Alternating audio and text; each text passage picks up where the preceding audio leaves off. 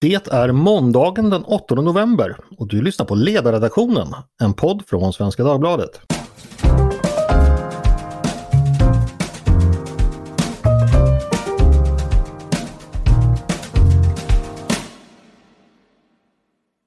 Varmt välkomna ska ni vara.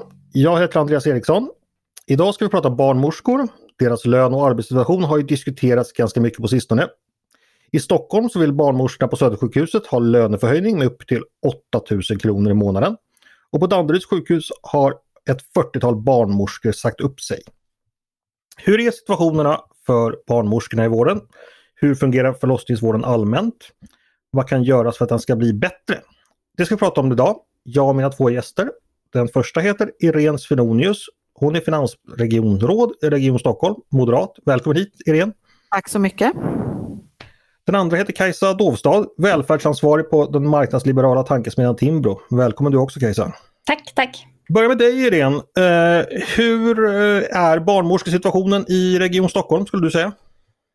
Ja, just nu är ju naturligtvis situationen eh, väldigt besvärlig eftersom eh, vi har eh, haft under hela det här året eh, höga pensionsavgångar. Vi har haft högre sjukfrånvaro än normalt till följd av både RS-virus och covid-virus och dessutom då en personalomsättning. Det här har ju skapat en tung situation i förlossningsvården när det är färre än vanligt som ska eh, arbeta i förlossningsvården och jag tror att eh, det har varit väldigt och är väldigt tungt för de som arbetar.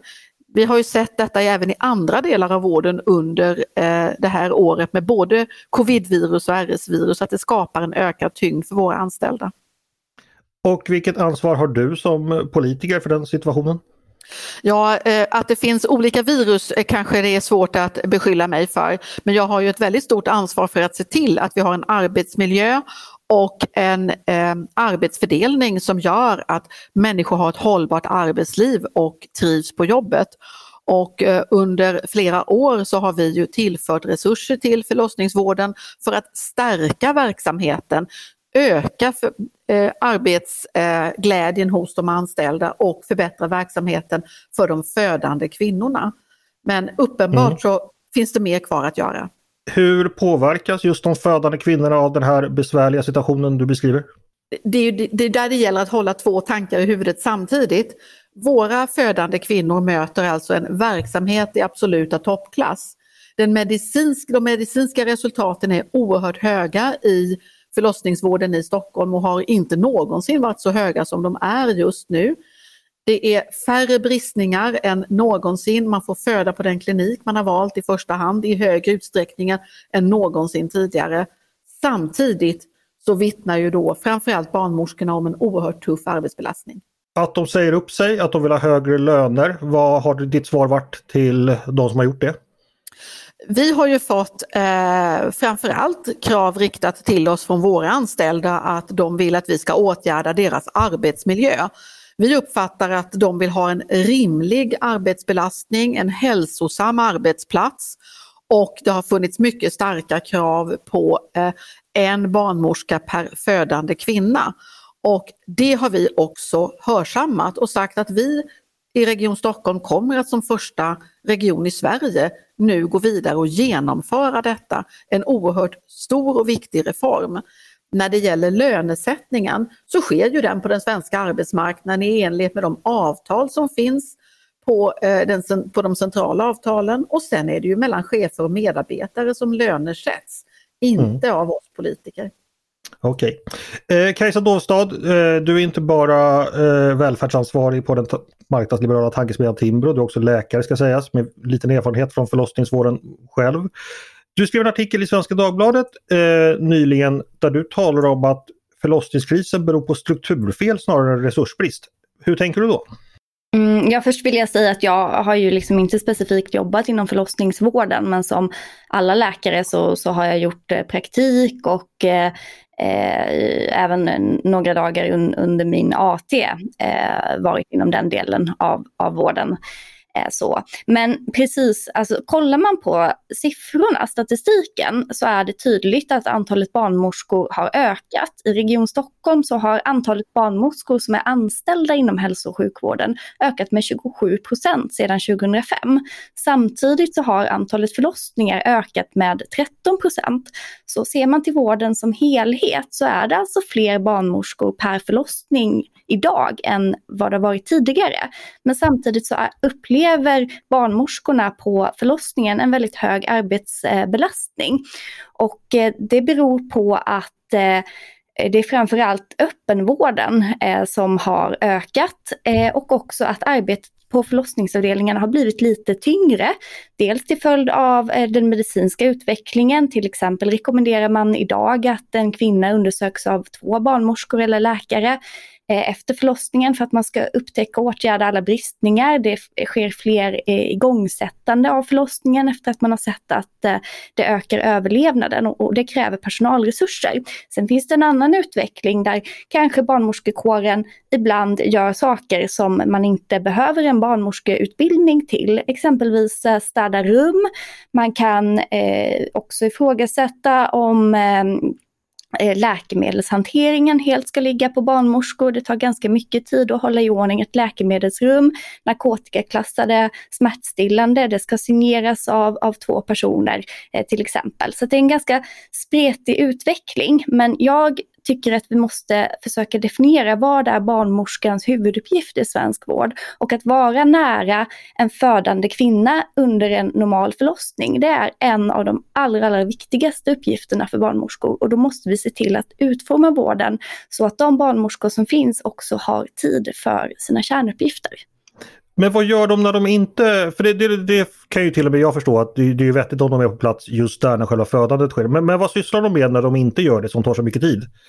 Eh, men tar man utvecklingen i öppenvården till exempel så ser man i Stockholm till exempel att eh, fosterdiagnostiken är större än i övriga landet. Ungefär 80 procent av kvinnorna i Stockholm som får eh, KUB, alltså kombinerat ultraljud och blodprov.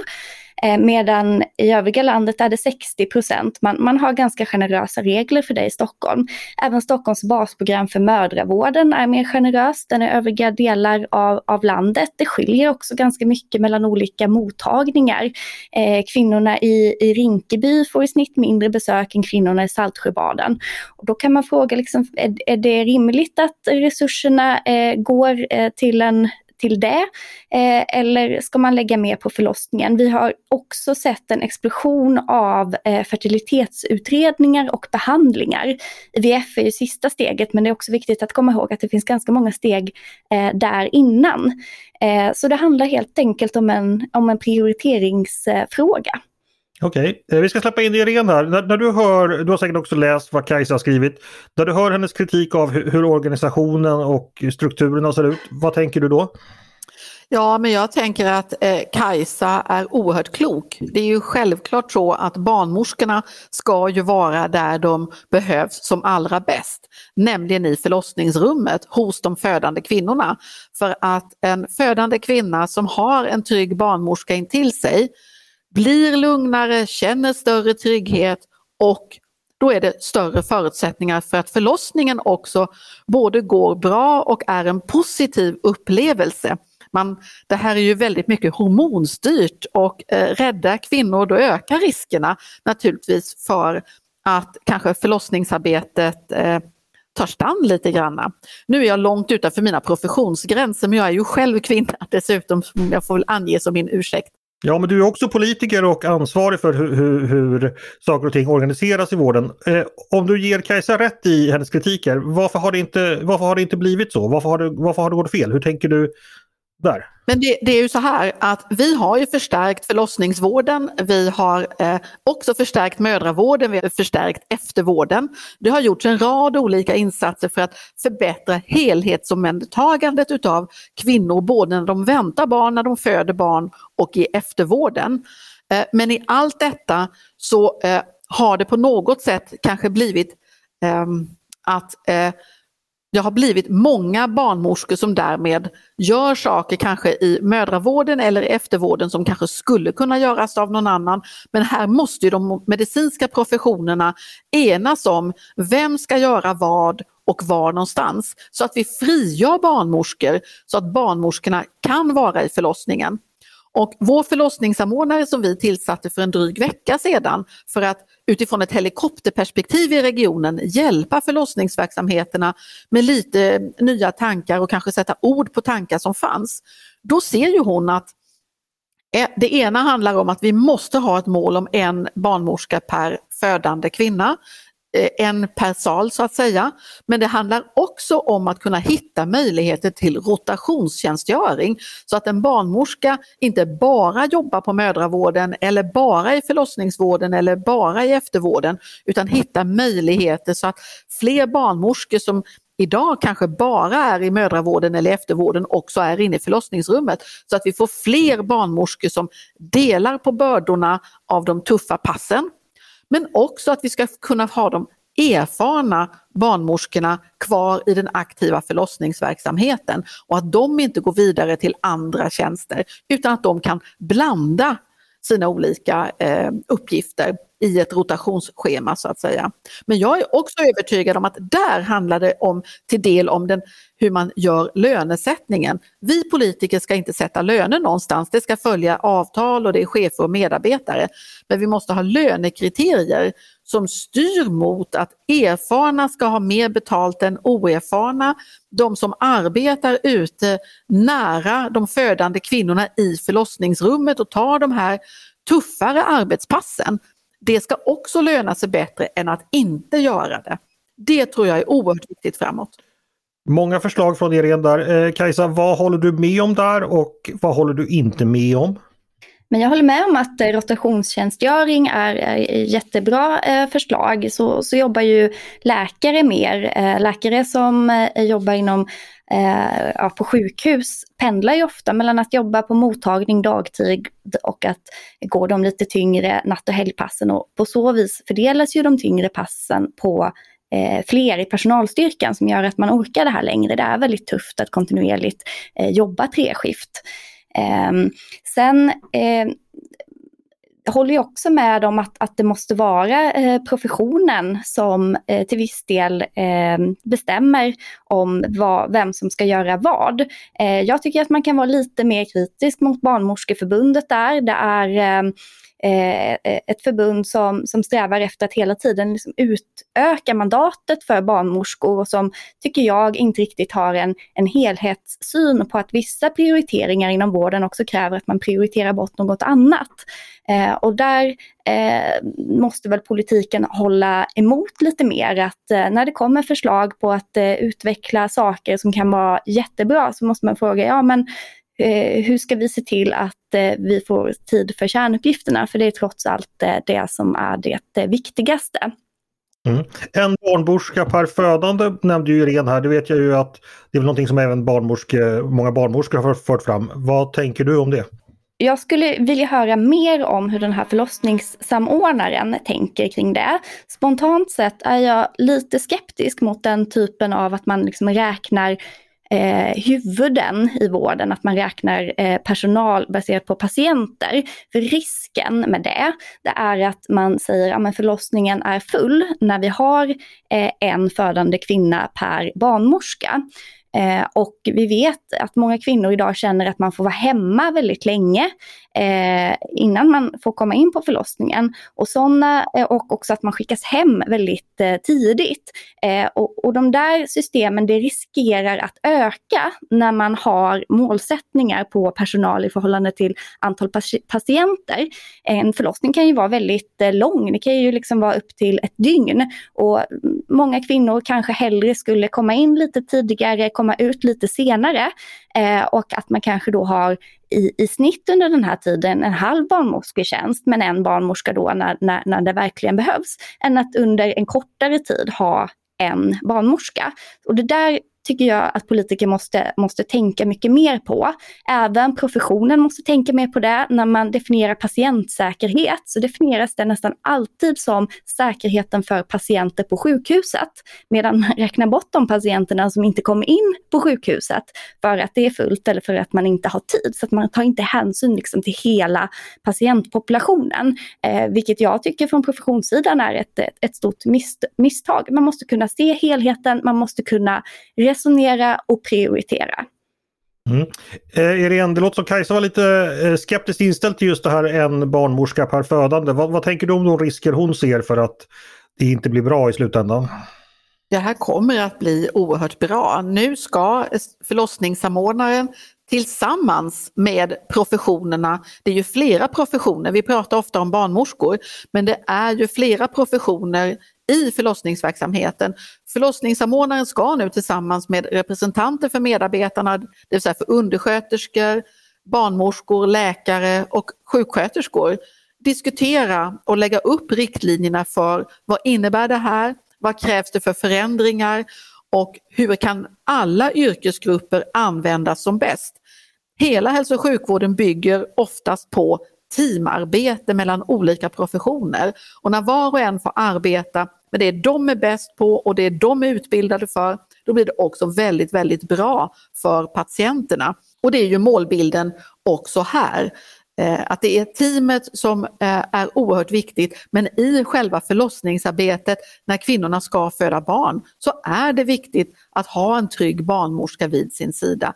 Exakt hur det här ska utformas och exakt eh, vem som gör vad, det måste professionerna gemensamt Eh, arbeta fram och det kommer nu att ske för hela regionen med, tillsammans med eh, förlossningssamordnaren och verksamheterna. Okej, okay. En annan sak Kajsa sa som jag tänkte höra vad du svarar på. Det här med att vi har att göra med starka professioner här uppenbarligen. Att man kanske har lyssnat för mycket på Barnmorskeförbundet i, i vissa fall och att de så att säga driver en agenda där deras medlemmar eh, får ett utökat mandat. Vad tänker du om det? Men alltså, vården består av oerhört starka professioner. Alla professioner i vården är starka och har en mycket stark uppfattning om hur vården ska bedrivas. Det är ju en styrka för vården för alla vill ju göra någonting bättre. Sen handlar det om att cheferna i vården måste just se till att det blir teamet som tillsammans ska göra någonting bättre, inte profession för profession. Och det, det är ju inte bara barnmorskor, det kan ju handla om läkare eller sjuksköterskor för den delen. Eh, och det är ju alltid avvägningar. Jag skulle säga att eh, både chefer och vi förtroendevalda politiker verkligen försöker lyssna på alla delar i vården, inte bara på en profession i taget. Kajsa, vad tänker du om det Irene precis sa? Nej men det är väl kloka tankar. Däremot så, så tycker jag kanske att man från politiskt håll ibland måste, måste våga ta konflikterna mot professionen. Och det, det gäller inte bara barnmorskeprofessionen utan det gäller även min, min egen profession som, som läkare. För det finns incitament att man utökar sitt eget uppdrag. Eh, och eh, i en offentlig sjukvård där man har begränsade resurser så måste det ske prioriteringar. Och till syvende och sist så är det de folkvalda som, som måste stå för de prioriteringarna föräldrarna och, och våga säga ifrån. Eh, jag tycker det är jättebra att man nu i, i, från ledningen i Stockholm tänker att man ska prioritera förlossningsvården ytterligare. Jag, jag tror att, eh, att det är det som behövs. Sen kanske det kommer leda till vissa obekväm, obekväma frågor om, om vad som då ska prioriteras eh, bort. Och eh, där måste ju professionen själva ta ansvar, att man ser eh, om vi nu har ett eh, uppdrag idag som vi inte hinner med, eh, vad är det då som vi ska fokusera på? Vad är det som vi kanske eh, inte måste fokusera på? Eh, det finns ju också någon slags mytbildning om att det är väldigt många barnmorskor idag som inte jobbar inom hälso och sjukvården. Eh, men kollar man på Socialstyrelsens siffror eh, så visar de att Eh, av alla sysselsatta barnmorskor, alltså man, man, man räknar bort pensionärerna, så man kan inte räkna alla legitimerade barnmorskor som jag har sett att vissa tidningar gör, utan tar man alla barnmorskor som är sysselsatta med något så är 90 procent sysselsatta inom hälso och sjukvården. Och den siffran är samma nu som den var för 20 år sedan. Eh, barnmorskors löneutveckling har också gått upp väldigt mycket. Ingångslönerna ligger idag som, som för läkare. De 10 procent som tjänar bäst inom förlossningsvården i Stockholm tjänar 50 000 kronor. Man kan diskutera om det är en siffra som som skulle kanske kunna höjas ytterligare. Men den här mytbildningen om att det någonstans finns massa barnmorskor som bara skulle komma tillbaka till vården om det blev mycket högre löner, eh, den, den stämmer inte helt enkelt. Eh, däremot så måste man ju såklart förbättra arbetsmiljön för de barnmorskor som nu helt uppenbarligen har det väldigt tufft att klara sitt eh, kärnuppdrag. Och det är precis det som vi tar fasta på. Vi måste lyssna på deras signaler om arbetsmiljön och att det är den som är nummer ett för väldigt många av dem. Det, så är det. Mm. Men varför är arbetsmiljön dålig då, Irene? Vad beror det på? När vi har haft en tuff pandemi för hela vården med högre sjukskrivningstal än normalt på grund av covid-19 och man ska vara extra försiktig. Vid minsta symptom ska man alltså stanna hemma. Ovanpå det så har vi RS-virus som gör att eh, vård av barn eh, har ökat eh, även bland våra anställda i vården och då även i förlossningsvården. Vi har haft lite högre pensionsavgångar i år än vanligt och vi har haft svårt att få in vikarier och få in nya i den utsträckning som vi hade önskat. Då blir det ju oerhört tufft för de som är kvar. Och det är då vi nu måste arbeta med att få in fler händer och fötter, få in fler barnmorskor och få ett utökat teambaserat arbete i förlossningsvården. Och då måste vi tänka nytt. Dels en barnmorska per födande men också just rotationstjänster som gör att vi får fler barnmorskor som kanske jobbar någon annanstans idag att även gå in och jobba i förlossningsvården. Sen måste jag ju få höja blicken något också, för vi pratar ju om Stockholm. Men det som eh, Kajsa tar upp om eh, situationen kring bemanning, den är ju samma i hela Sverige. Eh, Socialstyrelsen säger att det är 19 av 21 regioner så har man bemanningsproblem i förlossningsverksamheterna. Vi försöker nu hitta en väg framåt som första region eh, och genomför en barnmorska per födande och vi hoppas ju att vi ska kunna sjösätta en modell som andra regioner kan ta efter. Mm. Kajsa, om vi ska titta lite framåt. Eh, om du fick bestämma eh, vad, vilka reformer eller förändringar i, i förlossningsvården generellt i, i Sverige skulle du vilja att regionerna tog sig an? Jag skulle vilja att man eh, prioriterade förlossningsvården, att man ändrade eh, arbetsmodellen för barnmorskor så att eh, fler eh, pendlar mellan att, att jobba dagtid och att ta de tyngre passen.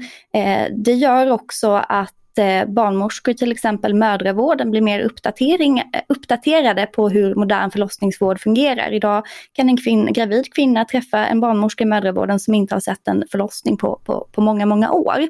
Eh, sen eh, skulle jag vilja att man i högre grad än idag prioriterade kärnuppdraget och, och kanske också skriver in att vad är vårt kärnuppdrag? Vad är det vi måste klara av att genomföra på ett bra sätt? Och Eh, kanske att man då också kommer överens om vad är det vi inte ska prioritera. Jag tycker till exempel att det här med eh, indikationer för fertilitetsbehandlingar kan ses över. Det är väldigt eh, vida indikationer idag. Även ett, eh, ett ungt par som inte har blivit med barn inom ett år har ju rätt till fertilitetsutredning och behandling trots att Eh, en fjärdedel av alla par eh, upplever den typen av barnlöshet någon gång under livet. Och är man då eh, i en ung ålder och tid finns, då kanske man liksom inte måste kasta sig över med alla möjliga ut utredningar och eh, åtgärder. Man, man kanske kan göra någon slags basutredning eller man kan göra en del, det måste vridas och vändas på. Men, men där tror jag att man eh, måste se över för att resurserna inte annars räcker till till det som är eh, vårdens eh, kärnuppdrag. Mm. Vad tror du beror på att eh, det har blivit så här eller vad är det som hindrar vården, eller förlossningsvården från att eh, fokusera på kärnuppdraget. Det låter ganska enkelt när du beskriver det menar jag, men det måste ju ändå finnas några krafter så att säga som hindrar det är väl en kombination av, av många faktorer. Eh, jag, jag, tror att regioner som Stockholm som har vårdval inom eh, mödravården och fertilitetsvård bland annat kanske måste se över eh, ersättningsmodellerna för det. Man, man har vårdval då som, som driver fler och fler eh, besök. Eh, samtidigt som, som eh, det är ju också för professionen liksom mycket lättare att bättre att bara jobba kontorstid dagtid än att vara på akutsjukvården där den riktigt tunga vården är. Och det kanske man också måste reglera mer både i vårdavtal men också ska man säga gentemot sin egen verksamhet. Eh, att att, eh, att man, man ställer kravet på att jobbar man med en patientgrupp som behöver vård eh, dygnet runt 24-7, ja då kanske man också liksom ska jobba åtminstone en liten andel av, av sin arbetstid eh, i den typen av, av vård. Eh, och sen som sagt så finns det i, in, inom alla professioner en, en vilja av att liksom utöka sitt, eh, sitt uppdrag. Eh, och det är väl liksom i grunden en god, god vilja och den är rationell. Men där måste man också tänka att är det rimligt att att barnmorskor eh, ska göra allt de gör idag på en förlossning. Kan vi avlasta med till exempel städhjälp? Eh, kan det bli fler läkare som undersöker och syr bristningar? Kan man eh, ha läkemedelsautomater i läkemedelsrummen så att man inte måste eh, dubbelräkna all narkotika. Det, det, det liksom, finns ingen enkel och stor och bra lösning utan många små lösningar. Men jag tror att man måste få ett annat tänk inom både professionen och kanske även från styrande politiker. Att vad är det vi ska prioritera och vad är det vi inte ska prioritera? Mm. Irene, eh, Kajsa efterlyser annat tänk, tydligare prioriteringar och fokus på kärnuppdraget om jag förstod allt rätt. Det finns ingen enkel lösning men det är många små. Eh, vad tänker du om den väg framåt hon målar upp? Jag tycker att den är eh, rätt tänkt och det är också den väg som vi, vi är på väg emot. Eh, det pågår redan översyner utav vårdvalen till exempel. Redan innan den här diskussionen blossade upp pågår det Eh, förändringsdiskussioner kring våra vårdval och hur vi kan se till att personer som jobbar i vårdvalen också ska kunna in och jobba gentemot eh, förlossningsverksamheterna och om vi ska organisera dem på ett annat sätt. Vi kanske inte behöver ha flera olika vårdval utan man kanske kan lägga samman dem eh, på ett nytt sätt. Och sen det, det, tuffaste av allt är naturligtvis att se vad är det som eh, kanske inte ska prioriteras precis som Kajsa säger. Det är oerhört tufft därför att vi vill alltid göra bättre, vi vill alltid göra mer. Men vi måste ju naturligtvis klara det som är kärnuppgiften först då kan det ju handla om att se över vid, hur tidigt ska man genomföra vissa utredningar, hur många besök är rimliga för en normal graviditet på mödravården respektive det är ju en helt annan sak om man har en riskgraviditet eh, av olika skäl naturligtvis. Men sådana saker kan man behöva gå in och titta på. Liksom att om man jobbar på ett akutsjukhus och är eh, barnmorska det är klart att eh, hur ska vi få in dem att också arbeta i förlossningsverksamheten? Men jag skulle gärna också vilja få in andra från öppenvården i förlossningsverksamheten därför att får vi in fler kollegor till barnmorskorna in i förlossningsverksamheten då är det fler som ska dela på de tuffa passen och då blir det mindre tungt för var och en. Då får man en mer hälsosam arbetsmiljö. Och det är klart att då kommer de också att orka de gånger som det blir en liten topp, för det kan det göra i alla jobb, i alla yrken. Men när man har en topp och har det oerhört tufft hela tiden därför att man ständigt är för få, det är då det sliter ut människor och då söker man sig bort från förlossningsvården. Vi vill ju att de ska välja att stanna i förlossningsvården, vi vill att de ska plädera och att de ska övertyga sina kollegor som jobbar någon annanstans att komma in i förlossningsvården. Och då tror jag ju själv att rotationstjänster är viktigt för att skapa en balans och få inte minst de erfarna att stanna kvar. Stort tack för det. Eh, den här diskussionen lär säkert fortsätta. Vi får se hur förlossningsvården kommer att utvecklas. Tack Irene Svenonius, finansregionråd, Region Stockholm. Tack. Och tack Kajsa Dovstad från eh, tankesmedjan Timbro för att du kom till mig och berättade om hur du tänker. Tack så mycket. Och tack till er som har lyssnat. Eh, innan vi säger hej då ska jag bara passa på att tipsa om vår grannpodd, som jag brukar säga på Svenska Dagbladet. En nyhetspodd som heter Dagens Story. Där får du en kvart på en kvart varje dag, en fördjupning i ett aktuellt ämne. Den podden jag lyssnar på nu den heter Ledarredaktionen. Varmt välkomna att höra av er till redaktionen med tankar och synpunkter på det vi precis diskuterat. Det finns säkert massor med erfarenheter och funderingar där ute i lyssnarskaran kring just förlossningar. Eller om ni har idéer och förslag på saker vi ska ta upp i framtiden. mejla då bara ledarsidan snabel svd.se. Tack för idag hörni! Dagens producent har varit Jesper Sandström. Själv heter jag Andreas Eriksson och jag hoppas att vi hörs igen snart.